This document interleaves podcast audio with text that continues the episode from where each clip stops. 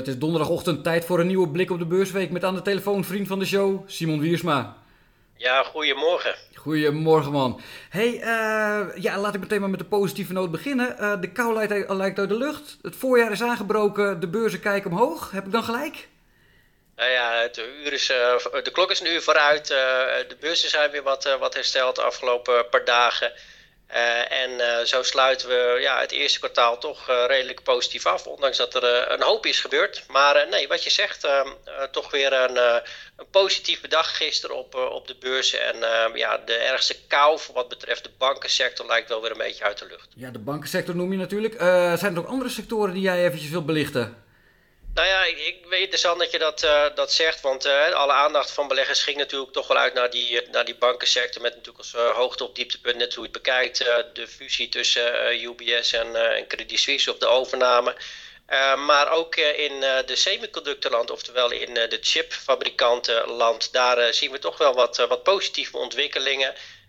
met positieve cijfers en vooruitzichten van onder andere Micron, een Amerikaanse producent van geheugenchips met name.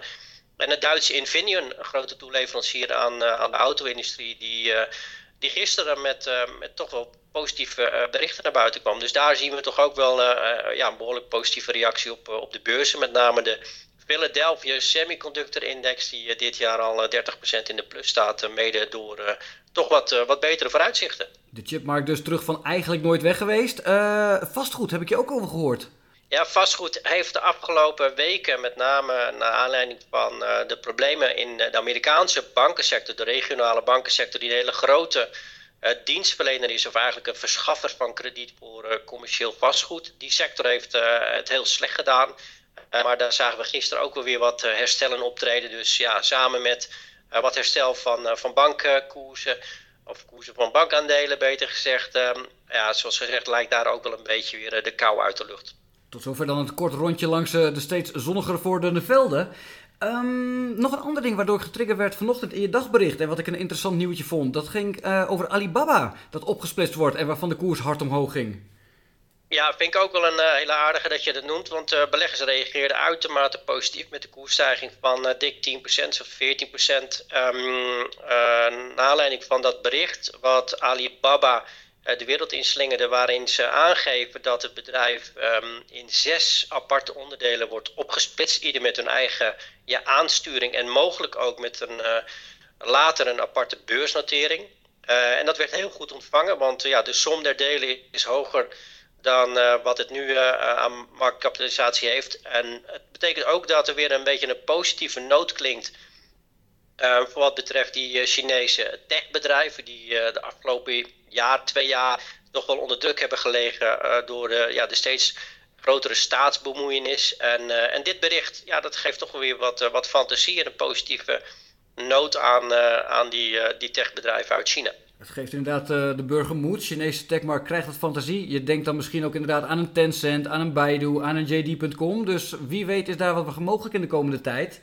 Um, ja, wat mij betreft gaan we naar de kalender toe. Ik dacht eventjes, het is misschien komkommertijd, maar niks is minder waar, toch? Nee, zeker niet. Uh, helemaal geen komkommertijd, uh, Stefan. Want als we kijken naar uh, vandaag, dan hebben we vanochtend om 9 uur op de agenda inflatiecijfers uit Spanje. Nou, je snapt waarom dat belangrijk is. Hè? Wat gaat de ECB daaruit opmaken en wat betekent dat voor, voor het beleid, met name wat ze gaan voeren? Wordt die geldkraan nog dichter gedraaid of niet? Hetzelfde geldt voor de inflatiecijfers uit Duitsland die, eh, die komen dan eh, vanmiddag.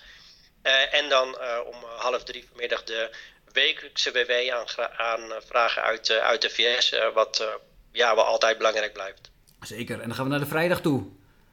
Ja, ook weer inflatiecijfers wat de klok slaat. we beginnen vroeg in het oosten. Japanse inflatiecijfers van, van maart. Nou, na jaren van deflatie zitten ze eigenlijk uh, nu eindelijk een keer in de gelukkige omstandigheid dat daar ook een uh, inflatiepercentage van om en bij de 3% is. Um, nou, dat horen dan uh, vrijdag of dat ook voor de maand maart wordt doorgezet. Dan hebben we vervolgens um, inkoopmanagers indices uit China. Die hebben we dan s ochtends vroeg, als het goed is, al gehad. zowel die van de dienst- als de productiesector als de composite index. Er wordt door analisten wel een kleine uh, terugvalletje verwacht van, uh, van hoge niveaus die verrassend uh, hoog waren in februari. Maar dat is ook s ochtends vroeg. Dan inflatiecijfers uit Nederland. Um, vrijdag vroeg ook rond een uur of half zeven worden die verwacht. En, en later op de ochtend die uit, uit Frankrijk, Italië. En smiddags, nee wat zeg ik, om 11 uur s ochtends, eind van de ochtend, die van de eurozone als, als geheel. Dus ja, inflatiecijfers volop. En dan zijn we er nog niet.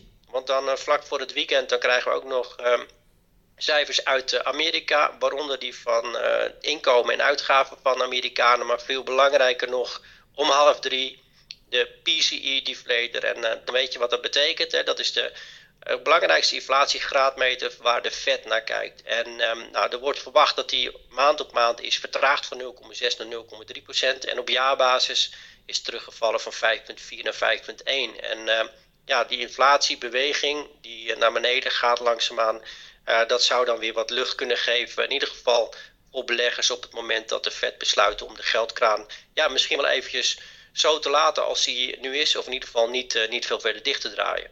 Opletten dus aan het eind van deze handelsweek. hey, dan gaan we het weekend in. En dan gaan we ook meteen een nieuwe maand in. En we gaan zelfs ook een nieuw kwartaal in. Uh, dus een nieuwe, nieuwe maand betekent vaak ook een karrevracht aan macrocijfers, toch? Nieuwe ronde, nieuwe kansen, zoals Precies. je zegt. En, Ja, en we beginnen met uh, weer een uh, hoop cijfers uit um, nou ja, macroland. En dan bedoel ik weer inkoopmanagers indices. S ochtends vroeg al um, de vierde van, van april met de Kaiksin China PMI Manufacturing Index. Dat is een lang woord voor een inkoopmanagers index die wordt bijgehouden door die nieuwsdienst Kaiksin. dan hebben we s ochtends vroeg ook de inkoopmanagers index van Nederland zelf. Um, die van Spanje, Italië, Frankrijk, Duitsland... Eh, die volgen dan um, voor 10 uur. Uh, en dan die voor de eurozone om, uh, om 10 uur, gevolgd door die van het VK en die van de VS smiddags. Dus echt een, een hele karrevracht aan uh, inkoopmanagers indices die voor ons echt wel belangrijk zijn om een ja, goede indicatie te krijgen van het economisch momentum, wat in de eerste maanden van dit jaar um, en zeker ook um, in, februari toch wel heel positief is begonnen. Veel inzicht dus aan het begin van de week. hoe zit dat op dinsdag?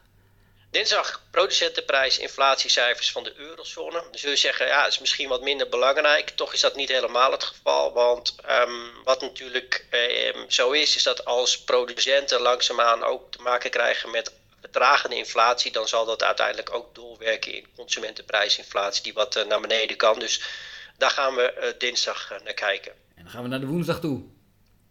Ja, de woensdag uh, fabrieksorders, uh, althans de cijfers daarover uit uh, Duitsland voor de maand februari. Dan krijgen we nog een keer wat inkoopmanagersindices en dit keer van de dienstensector.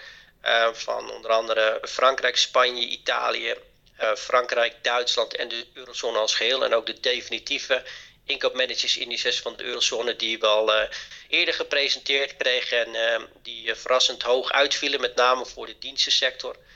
Uh, dus die zullen dan uh, bevestigd gaan worden. En dan smiddags, ja, dan is het alweer tijd voor het uh, maandelijkse loonstrookjes of het arbeidsmarktrapport van loonstrookjesverwerker ADP in Amerika. Um, belangrijk om naar te kijken, omdat dat um, ja, toch voor een belangrijk deel ook de kracht aangeeft van de Amerikaanse arbeidsmarkt en dus de Amerikaanse consument en daarmee ook de economie. Uh, dus dat voor woensdag. Uh, om dan uh, vlak daarna weer gevolgd te worden door weer een reeks van inkoopmanagersindices van zowel S&P Global voor de Amerikaanse economie als de Institute for Supply Management officiële cijfers. die nou, ons weer een richting geven voor, van het economisch momentum in, in de VS. Het aantal pijlstokken dat in de economie wordt gestoken lijkt ontelbaar. we gaan gewoon door, Simon. Wat is op donderdag nog?